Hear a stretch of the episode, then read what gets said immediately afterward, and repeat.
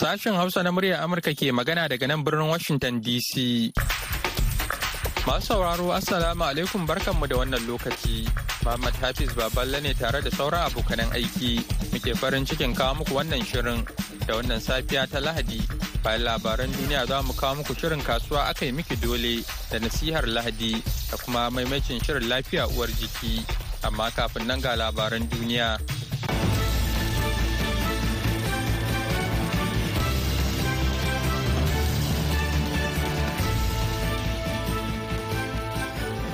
Jama'a assalamu alaikum ga cikakkun labaran duniya mai karantawa Muhammad Hafiz Baballe.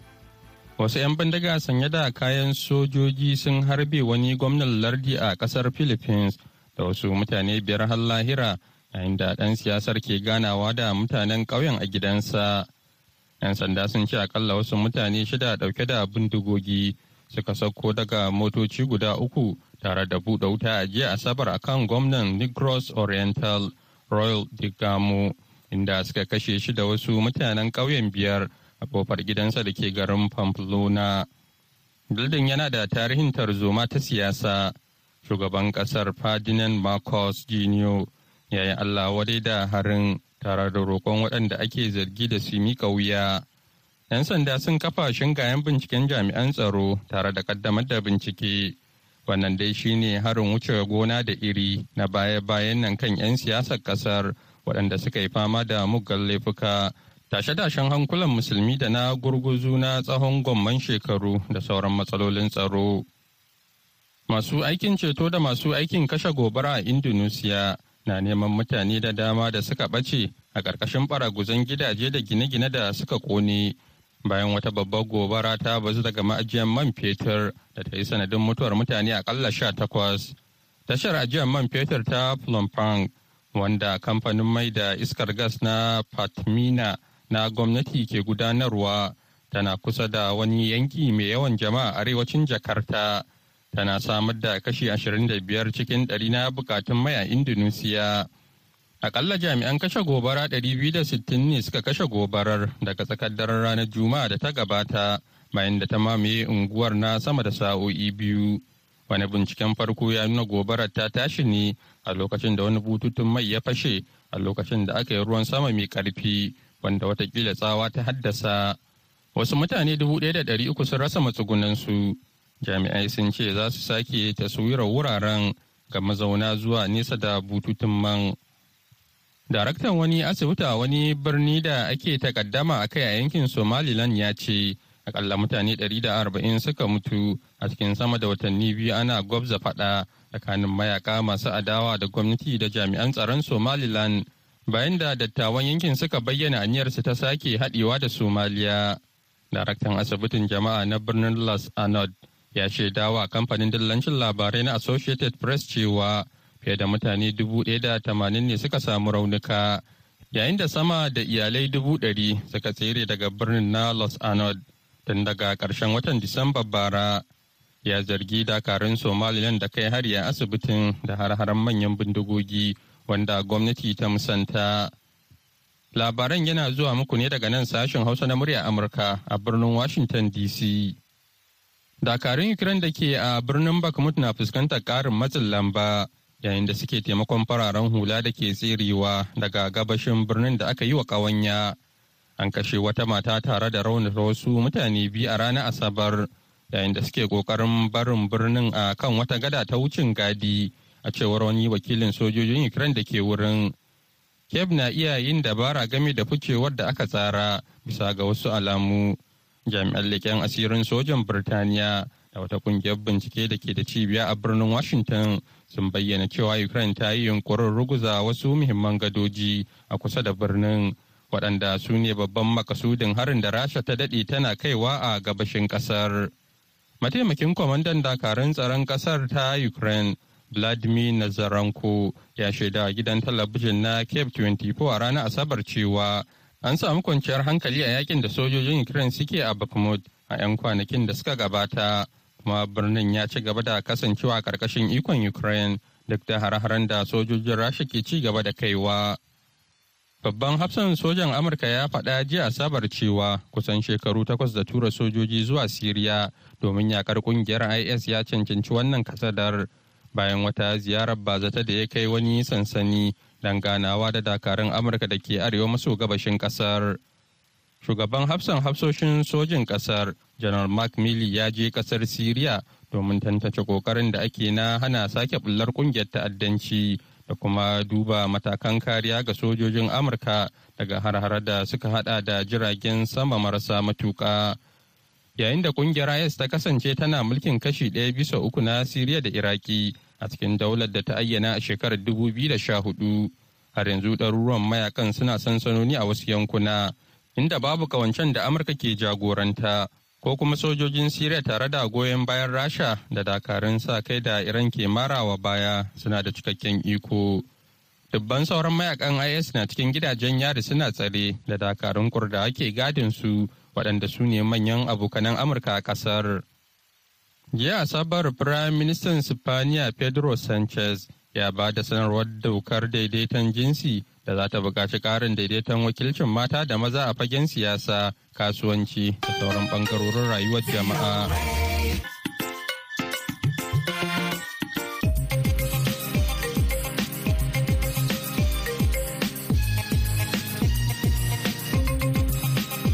Labaran duniya kuka saurara daga nan sashen Hausa na muryar Amurka a birnin Washington DC.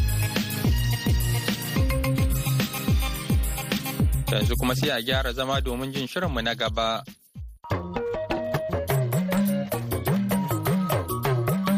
Shirin BOA Hausa Kasuwa a kai ne Kasuwa kasuwa a ƙasashe ya take. A yau shirin kasuwa kan dole ta a wata babban tasha da ake kira tashin baga da kuma tare kidar ta zama wata babban kasuwa da ta bibice wajen hada-hada da masu saida da kuma kamun kifi. Hakan da ya samu kayayyakin bukatu a wannan tasha wanda a iya cewa tasha ne na kasa da kasa wanda tun daga wannan tasha da aka fi sani da tashan baga hakan da bai kayayyaki daga garin Maiduguri ya dangana har zuwa wasu ƙasashen ƙetare. Na dai ziyarci wannan kasuwa ga kuma da hira ya kasance da wasu 'yan kasuwan da suke sana'ar su kamar haka. Sunana Yakubu Giremami. Gashi muna nan kasuwan tashan baga inda kuma na ga kana sana'ar sai da katiba ko? Kamar ya sana'ar ke gudana? Eh to ka sana'ar da ya kama alhamdulillah sai da godiya za mu ce. Dan da dama yan kawai sun wannan lokacin lokacin zuwan su har zuwa irin azi. To kuma bana da aka samu crashin din canyi kuɗin nan da ba laifi a da suka zo amma ba sosai kamar da ba. Kamar su wa zuwa suke su zuwa sayan kayayyaki. Na ga wani lokaci kukan samu mutane kamar daga ƙasashen waje makwabtan ƙasashe haka suna zuwa ko? Eh to alhamdulillah su ma lokaci da haka suna zuwa irin difa haka ko ko lokaci a can jamina a nan kofiya sun abu nan akwai ƙasashe dai na a jikin jamina da suna kamar dai mutanen jamina haka dai. Wannan kasuwa naku kamar ya za a iya bayyana irin me ake kamar saidawa a wannan eh to alhamdulillah a nan tasha dai za mu ce za mu fara da kifi dai haka dan shine uwa uba. Kifin ana kawa kuma ga kanwa kuma ga kuma irin muna da timba shed ana kawo irin su katako daga can akwanga me da sauransu dai. Da kuma ga kasuwa mu da haka a gefen kuma ga katifun su kuma ana kawo mana su irin a su kano su jos ko lokaci irin su a yola haka dai da sauransu. To ganin cewa ana dan ƙarancin naira haka a najeriya kamar ya wanda ya shafi harkan kasuwancin ku? Eh to alhamdulillah dama abin ya zo ne kuma mun gode a Allah kuma abin da ya sa da dai ka san cash ake zuwa da shi. To kuma yanzu aka koma transfer. Amma transfer ma ba laifi. In sun zo in mun musu bayani sun ce sai a na account number in mun ba su account number suna tura mana haka sai su ɗauko kayan. Kuma yanzu an fara saba da account number duk. Suna na abdullahi adamu. Kamar me kuke sayarwa na muna sayar da kwantena na jirgi kwale-kwale kenan ƙwarai da gaske. Eh kamar me ake da wannan kwantena din? Eh kwantena ta mu ana buga jirgi irin kwale-kwale haka da irin dan jirgi na inji dai da sauransu. Jirgin ruwa kenan? Wanda ake kama kibi da shi kenan kamun kifi da hiwa a can ba gafi a can baga da dai cikin cadi da shauran duk guran da ake mu'amalar ruwa. Eh. ganin cewa akwai wannan matsala na ƙarancin kuɗi haka a Najeriya kamar ya shafi wannan sana'a naku? Eh gaskiya ya shafi sana'ar mu sosai. Don a da ana zuwa su yi kaya ba mu kuɗi fari a hannu har ma wasu 'yan kasuwa suna dan zuwa suna neman agaji. In suna buƙatar transfer da sauransu. So daga ƙarshe dai mu ma dai muke dan bin masu shaguna muna dan samun na cefa ne duk wanda ya zo su yi kaya ko da ce aka yi baka ko biyar ko dubu biyar ko dubu goma zai ce babu dai ma transfer duka. Eh. cikin wannan sana'a da kake yi na ko kuma kuke yi na na kwantena da sauransu kamar shekara nawa kana wannan sana'a? To gaskiya a taƙaice dai na kai kamar shekara tara zuwa goma ina harkokin kwantinan nan. Eh, kuma ƙwarai. ana samun mutane daga ina suwa zai sayan wannan kaya To gaskiyar lamari mutanen namu suna zuwa galibi wasu mutanen Chadi wasu Kamaru wasu nan cikin gida baga su ne suke zuwa galibi suke siyan kayan suke mu'amalan harkokin su na jirgin ruwa da shi. alaikum salamu alaikum sunana mu'azu isa Ah, ni ne sakatare na fish producers and marketers association borno state wato ba su suna kifi kenan masu masu kama kifi da sayarwa na jihar borno.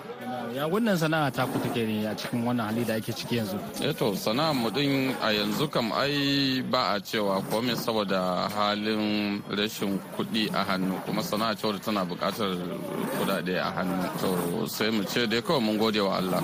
Ganin cewa wannan sana'a da sana'a ne kuma an ta shahara a wajen mutanen arewa musamman mutanen jihar bondo ba za ka gani kamar wannan sana'a tana gamsar da ku game da irin abubuwan bukatu ku ne yau da kullum? Ah, alhamdulillah wannan sana'ar ai babbar sana'a ce. Kuma ba ma mu 'yan kasuwa ba har ita gwamnatin jihar borno din tana amfana da wannan sana'a ta mu. Kai maganan gwamnati tana amfana da wannan sana'a na ku. Ta wani hanya kenan? Eh akwai rabanan da muke biyan gwamnati a gwamnatin jihar borno. To kaga ai za mu ce tana amfana tunda muna biyan rabanan mutanen mu kuma ba su da wani gardama. Suna biyan sa ba da ba dai wani matsala insha Allah tsakanin mu da gwamnati. Wannan ƙungiya na ku tana kama da kuma sai da kifi. Kamar wadin kifi ne kuke kamawa kuna sai da nan? Eh, dukkan kifin da muke amfani da shi a arewacin najeriya gaskiya inda kifi ba na teku ba ne ba irin wanda babu shi a tashan baga. Ganin cewa kuna sai da wannan kifi kamar ina kuke kai shi ko duka a cikin maiduguri ake cinya a wannan kifin da yanzu muke samu ai yafi ƙarfin maiduguri. Ka ajiye mu- muna rabawa a jihohi daban-daban na najeriya. Ba inda ba a kaiwa kifin jihar borno. Har ma yanzu muna dan tsallakawa da shi wasu ƙasashe masu nisa. Ba na kurkusa da mu ba. Dan na kurkusa da mu da ana samun kifin a wajensu. So kaga muna tura shi wurare da yawa. Gaskiya ba zan iya cewa ga adadin iya garuruwa da yake zuwa ko ƙasashen da ma yanzu haka yake zuwa ba. In ka ce kifin borno za ga mutane suna rububin kifin. Ko a cikin gida ko a waje. Kamar har yanzu ana sha'awar wannan kifi ko kuma har gobe idan ka je kasuwa in ka ce kifin borno ne ai ba za ka bata lokaci ba. Don kifin yana da yafi kowanne irin kifi daɗi da zaƙinsa a wajen miya da kuma sauƙin aiki. Sunana murtala gwani a ya kamar ya wannan harkan kasuwa yake tafiya?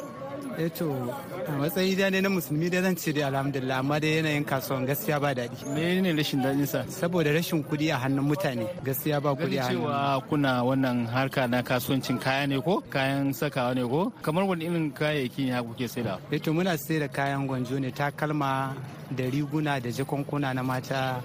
Da makamantansu dai haka. Akwai na maza a ciki? Akwai na maza ba wanda babu. Da ganin cewa kamar shekara nawa kana wannan harka? Eh to ina tashan nan dai na kai shekara biyar.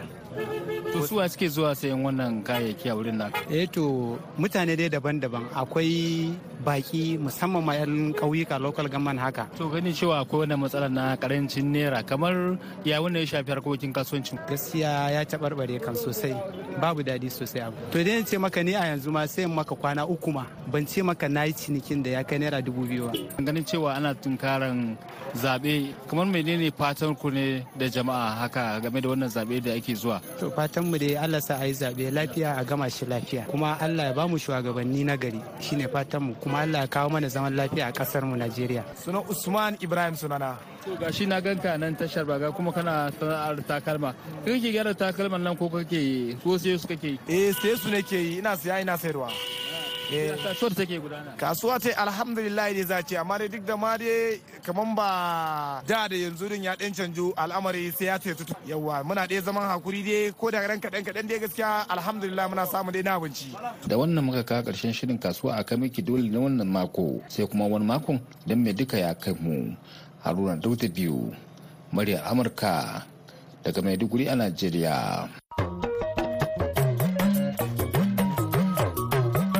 Shirin BOA Hausa kasuwa akai mikilo ne kasuwa. Masu sauraro kada a shafa har yanzu ana tare ne da sashen Hausa na murya Amurka a birnin Washington DC. Yanzu kuma ga nasihar Lahadi.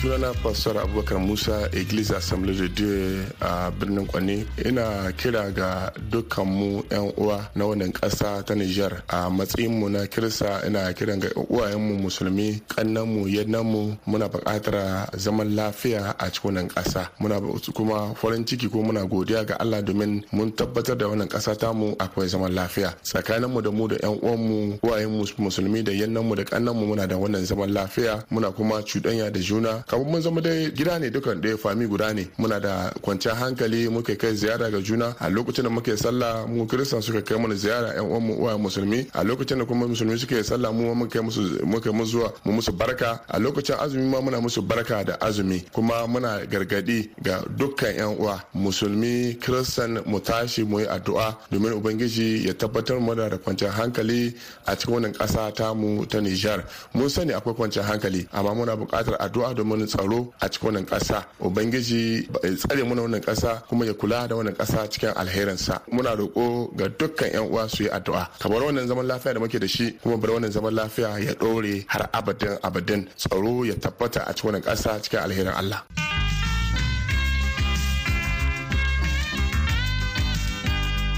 Madalla yanzu kuma sai maimakin shirin lafiya uwar jiki. Jama'a masu sauraron mu barkanku da warhaka, barkanku da sake kasancewa tare da mu a cikin wani sabon shirin lafiya uwar jiki tare da ni Hauwa Umar. Shirin lafiya uwar jiki na wannan mako zai tattauna ne akan kaciyar mata ko yankan gishiri kamar yadda wasu ke kira, wato female genital mutilation a turanci.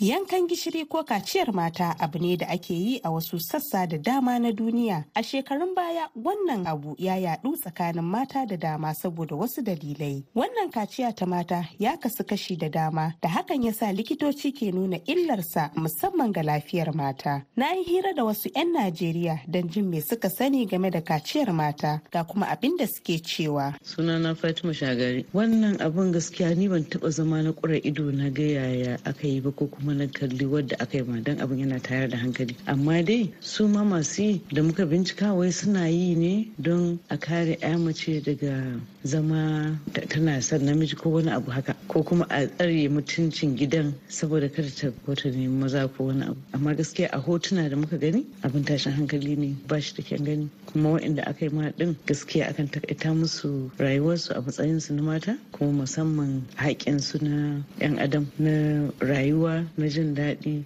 da kuma zama cikakkun mutane. Yakan sa ire-iren waɗanda aka yi ma ɗin da wayansu su zama na suna jin tsoron aure ma musamman waɗanda ba a yi ɗin sai gab da yarinya ta cika mace wai ana jin tsoro kada ta fita a lalata ta. sunana rashida. Abin da na sani dangane da kaciyar mata shine a da ana ma mata saboda ba a son su dinga bin maza. Amma dai ban san yana da wani muhimmanci ba saboda da yawa waɗanda na sani ma da aka yi wa kaciyar na san cewa ba sa zama waje ɗaya ba sa ji. Ban tabbatar da cewa akwai wani mahimmanci da ke tare da shi ba. Ya yi affecting waɗansu zamantakewar aurensu saboda wannan kaciyar da aka yi musu ya rage musu jin daɗi a zaman aure. Amma dai waɗanda na sani da aka yi wa gaskiya ban ga ya yi wani tasiri a kansu ba. Amma yanzu na san dai gaskiya an daina yanzu. An fara wayar da mutane akan illolin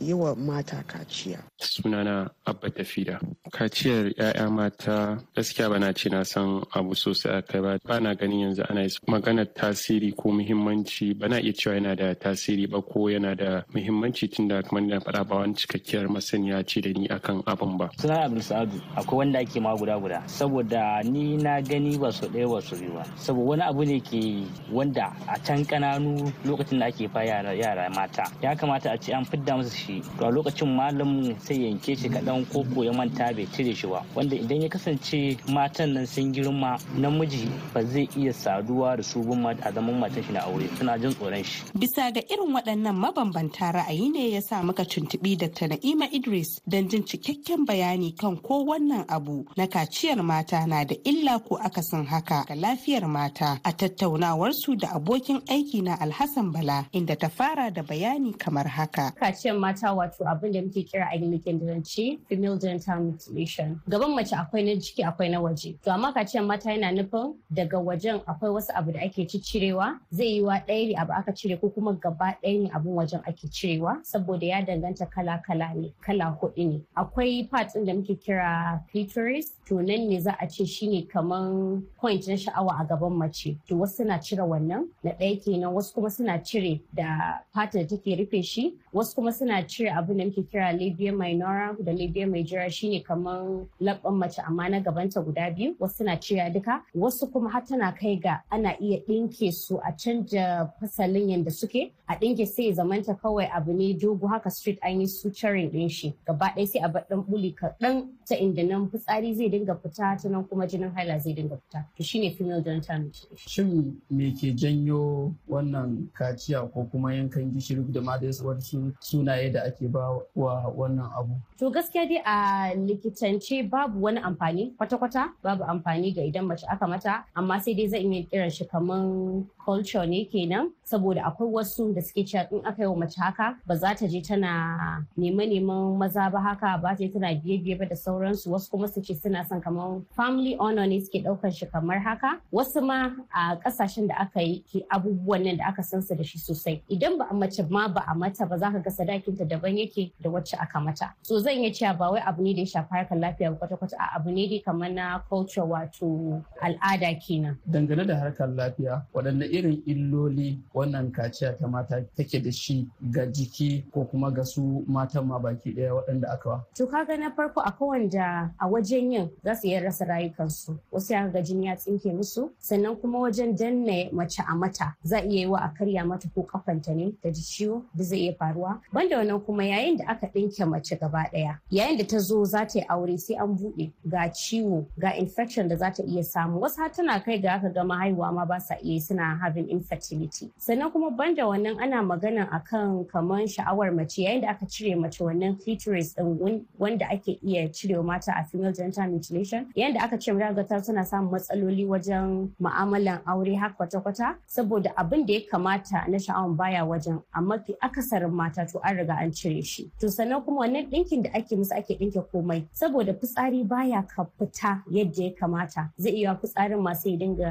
return yana retaining wato yana zama ba tare da ya fita ba wuce zai iya janyo mata urinary tract infections. Kuma an san da yayin da mace tana yawan having recurrent infection yau da gobe zai janyo mata infertility. Ga haihuwa ma an kasa samun shi gaba ɗaya waɗanne irin ƙarin matsaloli matan da aka wa wannan abu suke shiga bayan an musu ko dai sun girma ko kuma tun suna yara? Gaskiya akwai wanda zaka ga idan aka musu na ɗaya ma sha'awan zamantakewa ba su da shi. Saboda wasu suna jarirai ake musu wasu kuma suna da wayan su ake musu. So wanda ake musu suna da wayan zaka ga suna having trauma abin da suka yi going through suna tuna shi. Kuma yayin da mace aka faɗa miki cewa yayin da kika zo haihuwa sai an ƙara buɗe ki shi kanshi wani tunani da aka ga mata da yawa zaka ga abin yana damun su. Shi yasa ta kai da aka ga yanzu an yi banin ɗin shi wato akwai ko a Nigeria akwai some wannan laws akan female, uh, female genital mutilation. Da dai ba za mu ce mai yaya da yawa ba amma akwai abubuwan da za ka ga ana yin da shi din ma shi din ne amma ba za a fito a ce ai ga abin da ake bakace ne. Amma shi gaskiya ake balle a irin za ga irin su Maiduguri irin shuwa-shuwan na ga har kasan kudu-kudu su ma suna da irin wannan abubuwa. Waɗanne irin shawarwari zaki baya wa iyaye kasancewar su ne kusan suke bari a yi wa 'ya'yansu wannan abu tun ko suna yara ko kuma ma idan sun girma. To gaskiya ba shawara ce da zan ce mata ba. Ka san a al'ada a arewa mace da abin da miji ya faɗa shi take bi. So zai iya yi wa ita ba ta so amma miji zai takura a yi. So wannan kiran zan ce kira ne ga gwamnati da kuma kira ne ga maza da su lura cewa wannan kaciyar da ake ba abu ne mai amfani ba kwata-kwata. Dan ba a taɓa alaƙa da a ce idan aka yi mace kaciya wani abin ba zai same ta ba. Babu. Sai dai abin da ma zai biyo baya hatsari ne da wasu matsaloli da ta iya fuskanta. So abu ne da ya kamata mutane su karatu sosai a kai maza especially shi yasa awareness yana da matukan mahimmanci sannan kuma irin mutanen da suke wa'annan abubuwan na gargajiya kamata su ma gwamnati ɗauki mataki a kansu saboda daga nan abin yake. Daga ƙasa ne daga grassroots ne ba wai daga sama abin yake ba to kaga aka in gwamnati shiga ai a tunani na za a ce an ɗan yi solving matsalar gaskiya saboda mutane su ma su ji abin da gwamnati ta faɗa. Ko menene matsayar addini game da wannan batu ga Sheikh Ibrahim Daurawa da ƙarin bayani. Yi wa mata kaciya ya faru ne kafin zuwan addinin musulunci. Addinin musulunci ya zo ya tarar mutane da al'adu da kabilu da ƙasashe suna yi wa mata kaciya wasu kuma ba sa yi. Daga cikin waɗanda suke yi wa mata kaciya akwai larabawa akwai kuma yankin misra da haka annabi sallallahu alaihi wasallama sai ya ce ya kirawo mai yin kaciyar ya ce ta daina yankewa mata wato abin da ake yankewa din gaba ɗaya ya hana a yanke gaba ɗaya bai hana yin kaciyar ba amma bai kuma tilasta su akan sai sun yi ba. Da haka sai ya zama gyara kawai ya yi musu. Wannan ya sa malamai suka yi maganganu guda huɗu ko biyar dangane ga hukuncin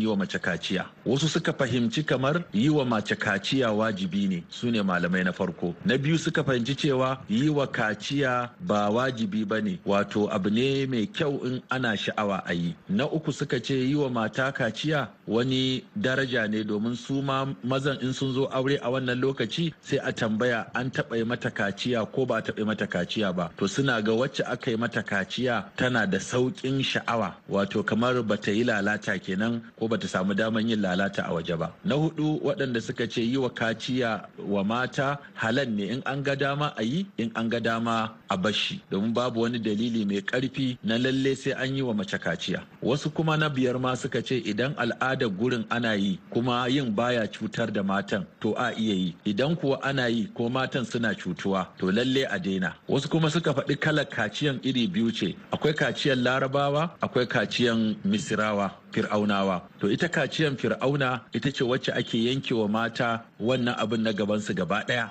Kuma hakan yakan cutar da su kuma yakan wato wahalar da su kuma yakan canza musu ma halitta. Sannan akwai kuma waɗanda ake yankan ɗan kaɗan na sama irin wanda laraba suke yi. Sannan akwai ƙabilun da kuma kwata-kwata ma ba sa yi. Don haka suka ce in an ga dama a yi in an ga dama a bashi ba dole ba ne. Almuhim dai kada a cutar da matar da aka yi wa. to masu sauraron mu da haka muka zo ƙarshen shirin namu na lafiya uwar jiki na wannan mako a madadin dukkan abokan aiki da suka taimaka don ganin shirin ya zo muku ni hawa Umar da na shirya na gabatar nake cewa mu kasance lafiya.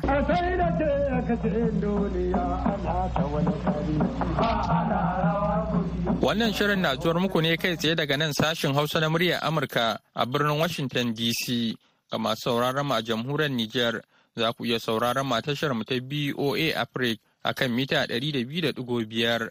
Baya ga haka ko da yaushe kuke so za ku iya zuwa shafukanmu na intanet to a voahausa.com ko kuma sashin hausa.com ko kuma shafukanmu na sada zumunta Facebook da Twitter domin sauraron shirye-shiryenmu inda za ku kuma iya yin tsokaci da bayyana ra'ayoyi.